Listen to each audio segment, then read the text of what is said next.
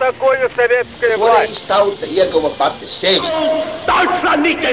Liktenīgas nejaušības un slēptas likumsakarības, subjektīvas patiesības un objektīvi aizspriedumi. Pēc atpūšņa nekad nenāk uzreiz pavasars, bet sākās arī šodien cilvēki ir ļoti tūredzīgi. Viņi redz to naudu, kas ir televīzijā, jau pamatā notiek cīņa par vārdu. Pagātne no šodienas skatu punkta un šodienas caur pagātnes prizmu. Raidījumā šīs dienas acīm. Katru svētdienu Latvijas radio eterā Eduards Liniņš. Labdien, cienījamie klausītāji! Šodien man uz galda priekšā atkal ir nesen iznākusi grāmata Denis Hanovs. Dons Juans atgriežas Wolfganga Amadeja Mocarta opera Don Giovanni 18. gadsimta komunikācijas telpā. Mans sarunbiedrs studijā - grāmatas autors Denis Hanovs. Labdien! Sveicināti, labdien! Jau ieskatoties grāmatas pirmajās lapusēs un lasot jūsu ievadu, man acis vispirms aizķērās aiz viena teikuma, kurā es ar jums varu ļoti solidarizēties. Proti, jūsu kaislība ir 18. gadsimta opera, un arī man 18. gadsimta opera ir simpātiskāka nekā katrā ziņā 19. gadsimts, kas, kā zināms, nodrošina joprojām, es domāju, vismaz 75% pasaules operteātru repertuāru. Kāpēc 18. gadsimts? Ļoti sarežģīts jautājums, jo tad, kad es izbaudu šo gadsimtu literatūrā, mākslā, tad es nedomāju par to, kāpēc. Es vienkārši jūtu, kā es atrodos tur, tā teikt, mājas.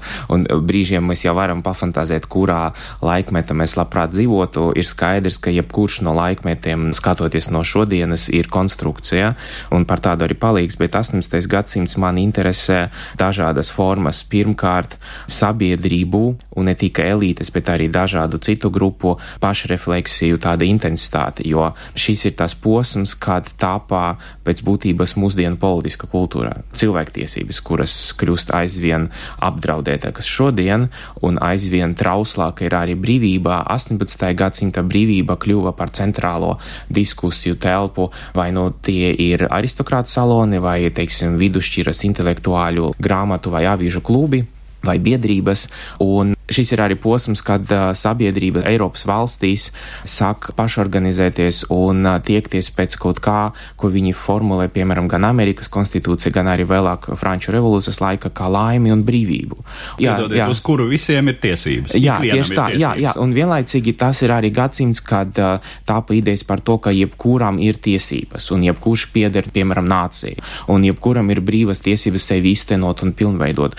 Un tā kā es uzskatu, ka apgaismības kultūra ir svarīgākais mantojums no šī gadsimta, un es redzu, kā, diemžēl, apgaismības kultūra pazūd, un runa nav tikai par situāciju pēc otrā pasaules kara, ko kritizēja vairāk filozofi, bet arī tas, ka mēs paši, kā sabiedrība, mūsdienas bieži atsakāmies no iespējas reflektēt, no iespējas kritiski uzdot jautājumus, un 18. gadsimts uzdeva sev jautājumus.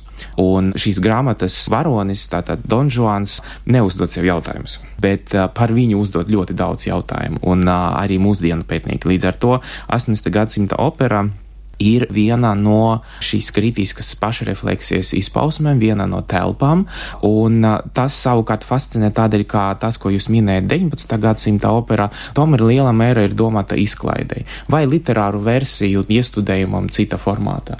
Bet man liekas, ka 18. gadsimts veidoja muzikālu kultūru kā daļu no politikas, un to es centos arī savā grāmatā analizēt. Es ceru, ka puslīdz saistoši arī lasītājiem Mocarta daļradē ir muzikāla novitāte, tā laika laikmetīga muzika.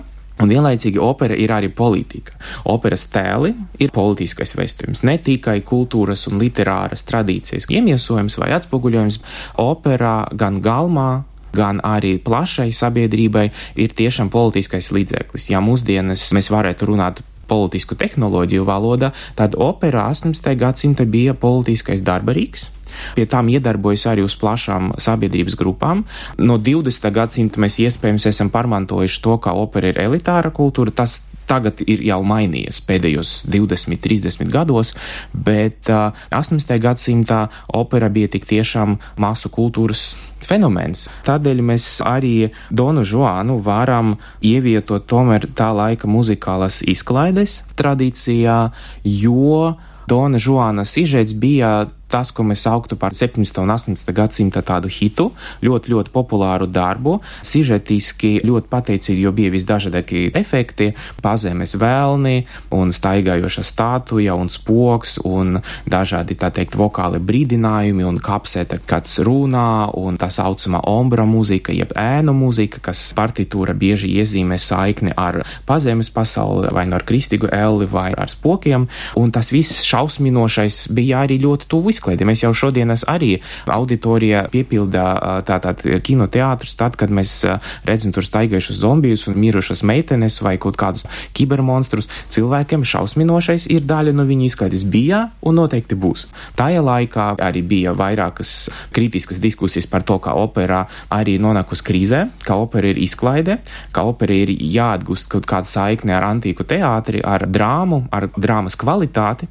Un tādēļ šis ir arī posms, kad notīs un partitūrā ir mēģināts atbildēt uz ne tikai mākslinieciskiem jautājumiem, bet arī uz sociālas realitātes problēmām, jo apmeklēt kādu izrādi, noklausīties kādu darbu, izrādes bija arī politisko viedokļu un pozīcijas apliecinājums. Tā bija simboliska politikas situācija, kad bieži citas formas nebija iespējams. Un to pārmanto arī 19. gadsimts, ko es minēju, kas mums varbūt mazāk patīk, bet uh, Verdi daļrada un viņa popularitāte ir labs piemērs tam, kā opera joprojām arī pa 19. gadsimta nacionālu kustību kultūra bija iespēja izstāstīt politiski aktīviem klausītājiem klausītājiem par savu pozīciju un ietērpt kaut kādu politisku vestījumu sižetā, lai savējie varētu saprast, un iespējams arī politiski oponenti varētu saprast, un līdz ar to tik bieži operas libretu varēja cenzēt, un mēs to labi zinām arī ar Figaro Kazmu kur uh, visu politisko aktualitāti izdzēsā. Protams, mums palīga fantastiska muzika, bet diezgan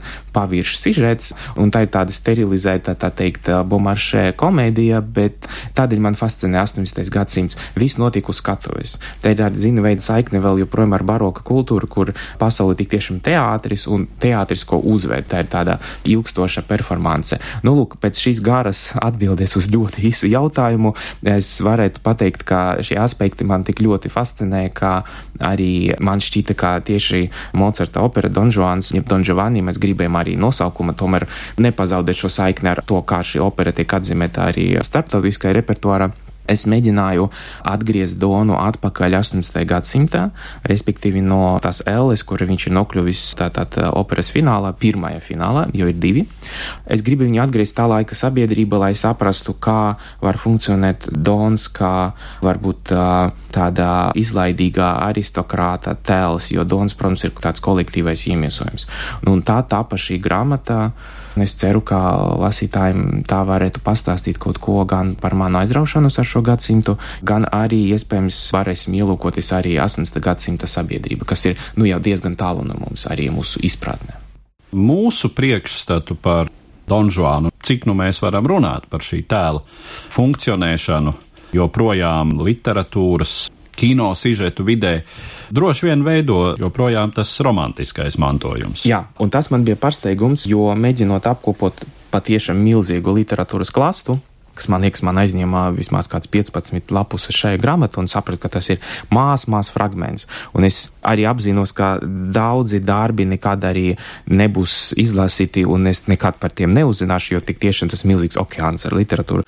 19. gadsimts ir ārkārtīgi noturīgs. Ārkārtīgi noturīgs arī pētniecība, jo projām pētnieki cenšas uztvert Donu kā tādu radikālu outsideru cilvēku, kas nepieder un nepieder tieši pateicoties tam, ka viņš ir nogalinājis iesaist komandoru, Annas tēvu, un tam, ka viņš tāda gadījumā tāda asociāla būtne, viņš ir slepkava, noziedznieks, un tieši to es gribēju dekonstruēt.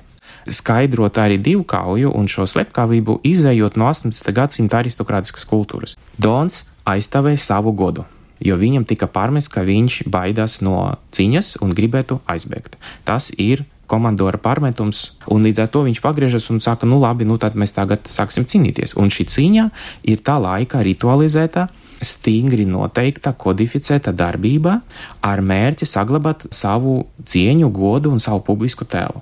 Tā nav slepkavība. Un Donam nevar piešķirt šo vainu. Šis akts nenozīmē, ka viņš radikāli pārkāpj kaut kādas robežas. Protams, divkauja, skatoties no sabiedrības resursiem, bija aizliegta vairākas valstis - Francija, Venecija un Krievija un visur kur, bet vienlaicīgi tā visu laiku pastāvēja. Tas ir tā laika ceremoniālais priekšstats par aristokrāta tēlu.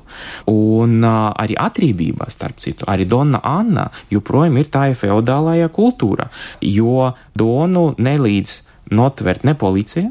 Librete beigas tur rakstīts, ka Otāvio parādās kopā ar policiju, bet nu viss ir nokavēts. Tikai dievišķais sots var viņu notvert un sodīt, bet uh, vārā likums kārtība nedarbojas. Jo viņš joprojām ir no tā htoniska laika, kad individuālais atribības spēks ir ļoti svarīgs, bet, nu, jau principā viņš darbojas sabiedrība, kurā šādas normas vairāk nederēja. Un šī centralizēta vāra, jo mēs runājam arī par absolutismu kultūru, uztver arī aristokrātiju kā resursu.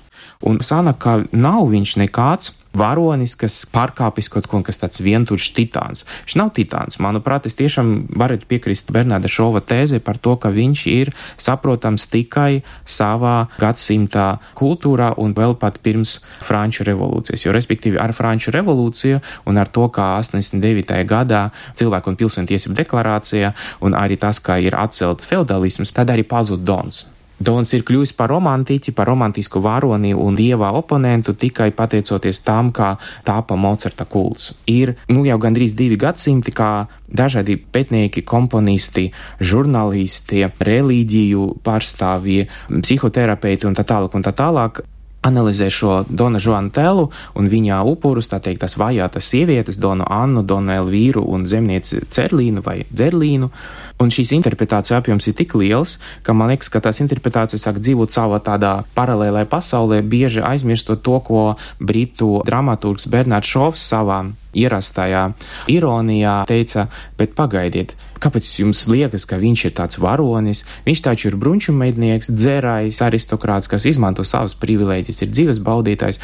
Principā, ja mēs noņemam to 19. gadsimta romantisku priekšstatu par Donu kā tādu cīnītāju, par cilvēku, kas ir uzdrīkstējis pateikt dievam vai dievišķajam ne piecas reizes. Tātad pirmā fināla aina. Tad sanāk, ka tik tiešām Dons arī nu, gandrīz pazūd. Un ir viens itāļu muzikologs, Massimo Mīla, kas man ļoti pozitīvi ietekmēja un iedvesmoja. Viņš konstatē, ka viņa prāt Dons ir tukšums operas pašā epicentrā. Un tukšums ir arī kaut kas, kas ir nenotverams. Un tādēļ man jāatzīst tas vēlreiz lasītājiem, ka man šķiet, ka man arī neizdevas viņu notvert. Viņš atkal ir aizbēdzis kaut kur tumsā, kādā spāņu siltajā naktī. Viņš ir savā apmetnī atkal kaut kur paslēpis un aizskrējis tālāk kolekcionēt sievietes, un man neizdevas viņu notvert.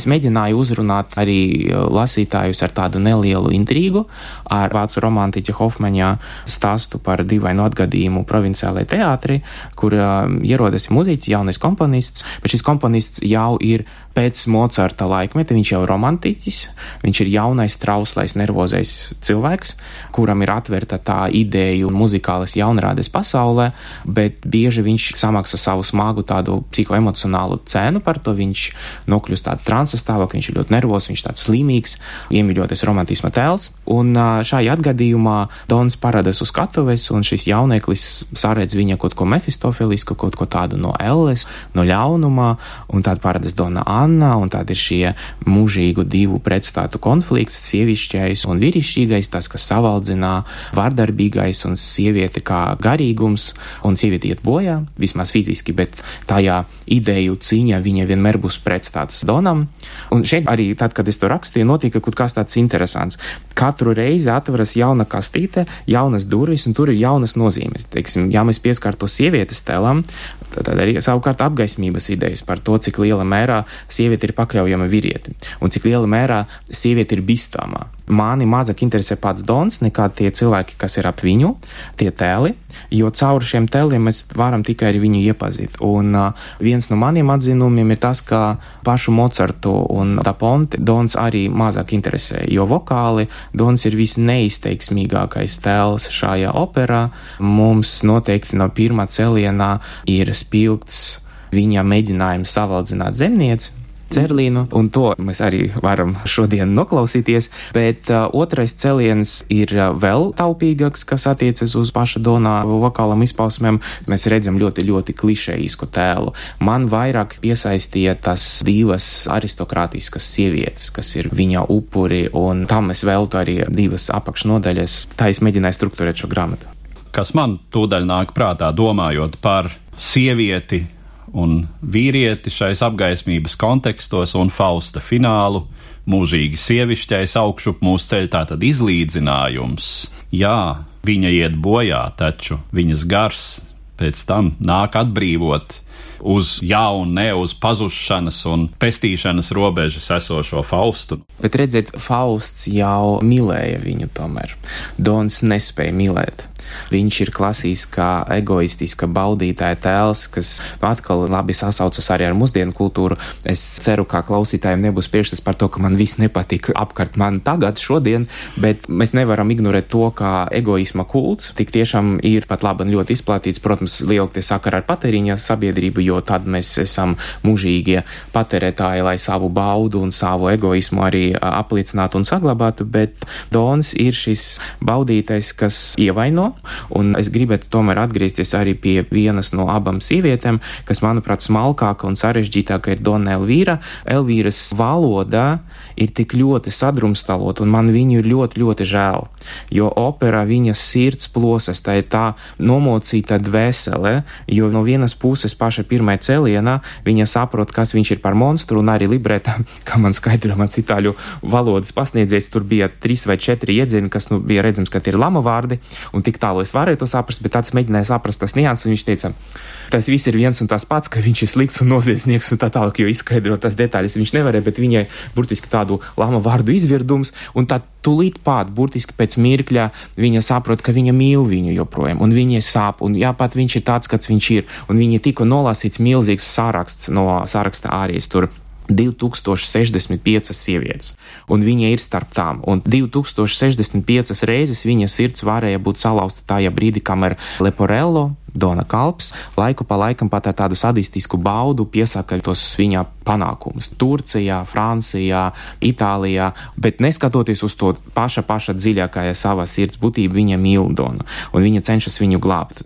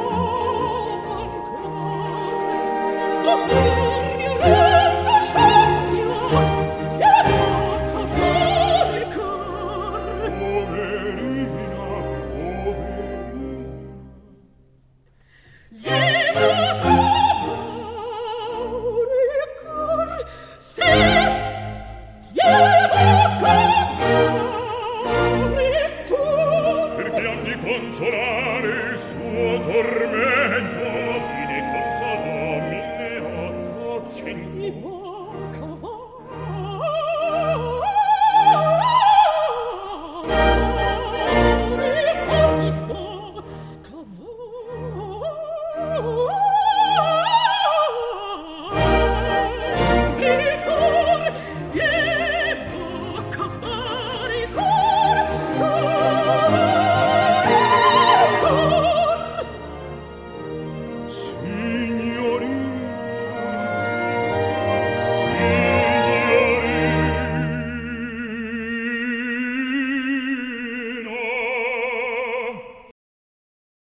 Elvīra ir kļuvusi man par tiešām ļoti tuvu tēlu, jo mēs zinām, ka mīlā plosa mūsu sirdis, tad mēs varam visu ko piedot, bet vienlaicīgi Elvīra ir arī sociālais status, viņa ir pamesta.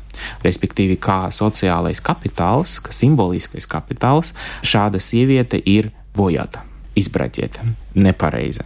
Un es mēģināju pieskarties arī šim tematam, ieskaitot arī vardarbību pret sievieti 18. gadsimtā. Diemžēl pie mums joprojām pastāv priekšstats par to, kā bieži vardarbība pret sievieti kaut kāda veidā ir daļa no viņas pašas izvēles, vai pat baudas kaut kāda piliena ir iekšējā, kas ir absurds. 18. gadsimts centās risināt arī šādus jautājumus. Pastāvēja tā saucamā vainaga nauda, kā tā, ka drošības tāds, nosauksim to depozīts sievietei, kas ir cietusi vardarbība, jo viņai kaut kāda veida pēc tam bija jādzīvo, jo, protams, nekādas laulības nevarēja būt, un viņa bija lemtā būt vienai, un ja viņa nebija bija aristokrātiska sieviete, tad tā bieži bija arī dzīve nabadzībā. Un tad es sapratu, ka mans dons veidosies kā tā laikā sociālas grupas pārstāvis. Un tad es analizēju privilēģiju tematu. Viņa piedzīvojumi ir iespējami pateicoties viņa sociālajam statusam. Viņš var padzīt zemnieku burtiski kāzu laikā, ceremonijas laikā, un tam piekrīt pat Līgava. Protams, tas ir ļoti vienkāršots un schematisks librets, bet savā būtībā mēs redzam, ka varbūt desāda daļrāde, kas ir Dona Žoana un Mocerta laika biedrs. Tur tas ir maksimāli sāsināts vai koncentrēts, kā nauda var nodrošināt mūžīgu baudu, baudu, kurai kalpo visa sociāla vide. Es mēģināju arī veidot tādu sarunu starp Desādu un Mocartu, vai mēģināt kaut kādā veidā salīdzināt Mocarta operas tēlu, Donu Žuānu ar Desāda daļrades tēliem. Un tur ir būtiskas atšķirības kas attiecas uz baudas interjeriem. Dons ir publiskais baroka tēls, kuram ir vajadzīga atklāta, atvērta telpa. Viņa pazīstamais uzaicinājums, lai dzīvo brīvība, viva la libertā, bieži tika uztverts, sevišķi arī padomju muzikoloģija, kā Mocarta aicinājums uz atcelšanos pret veco iekārtu. Tāpat kā Figaro, manuprāt, nav nekā kopīga ar topošu revolūciju vai, teiksim, ar 20. gadsimta revolūcijām, tad šeit mēs redzam drīzāk atvērtas rezidences ideju, ka jebkurš ir aicināts. Tā ir publiska performance, kā aristokrāts parāda caur izšķirdību savu sociālo statusu. Es mēģināju arī saprast Donā izglītības un viņa socializācijas elementus, un es gribēju arī sasaistīt viņu ar to cilvēku, kas viņu pavada visus viņa piedzīvojumus. Vienīgais, ka viņš nedodas kopā ar viņu uz Elli, tas ir viņa kalps Leporello. Un es mēģināju paskatīties, kāds ir kalpa status Itāļu kultūrā, vai zemēs, vai arī spāņu. Pieņemot, ka Dons tomēr oriģināli ir Spānijas pilsonis, jo tieši Spānija viņam, kā zināms, ir vislielākie erotiskie panākumi - vesels 1003 sievietes. Tās figūras pasaules literatūrā un uh, citos žanros, kas ir ceļojušas no laikmeta laikmetā, no autora pie autora, no viena mākslas žanra un darba uz citu - Dons Kihots, Hamlets, Doktors Fausts arī dzen, tad uh, Kas ir nodrošinājis šo nemirstību Donam Žoanam? Mūsu visu dubulta daba, mūsos ir intelekts un kaut kas celais, un mūsos ir miesā, mūsos ir tieksme pēc baudas, pēc kolekcionēšanas, mūsos ir nemieris, kas izpaužas dažādi literāri, bet arī baudas ziņā, un, protams, arī bailes no garlaicības ko labi izmanto arī izklaides kultūra, gan toreiz, gan mūsdienas. Es domāju, ka šis ir arī priekšstats par to, ka mēs tomēr esam tādas finālas būtnes un mūsu dzīves cikls kādreiz noslēgsies, bet bieži mēs varam just arī to, ka mēs varam būt tukši vai iztukšoti un mēs gribētu turpināt baudīt un mēs vienlaicīgi apzināmies, ka mūsu ķermenis arī noveco un es domāju, ka Tas ir cilvēka dziļas bailes no tā, kas ar viņu notiek, un ar to, ka viņš no vienas puses ir kultūras telpa, kur viņš tas bāžas var transformēt, no otras puses viņš labi zina, ka viņš ir pakļauts fiziskai dabai. Bet atšķirība no mūsu ķermeņa grāmatas var dzīvot ilgāk, un to es esmu uzzinājis no sarunas ar šīs grāmatas dizaineru, ar mākslinieku no Baltkrievijas, kas nu jau gadiem dzīvo šeit Latvijā, Aleksēju Murāško, un man gribētu arī vēl pateikt, ka Dīvaini kārtā šai versijai par Donu ļoti paveicas, jo ap to sāka veidoties vesela tāda radoša cilvēku grupa. Viens cits mans kolēģis, mākslinieks Rolands Krūtovs, ir lasot manu tekstu, nolēmis izveidot gleznu, kas ir veltīta Dona Žoāna vientulībai, un šo gleznu mēs viena tāda atšķirīga formāta pievienojam arī grāmatai, līdz ar to lasītājiem būs iespēja arī iegūt tātad reprodukciju no pagājušā gadā tapušā darba, kur Dons ir ieslodzīts gultas metāla režģī gan cietums, gan mūžīga bauda, kas arī var kļūt par cietumu.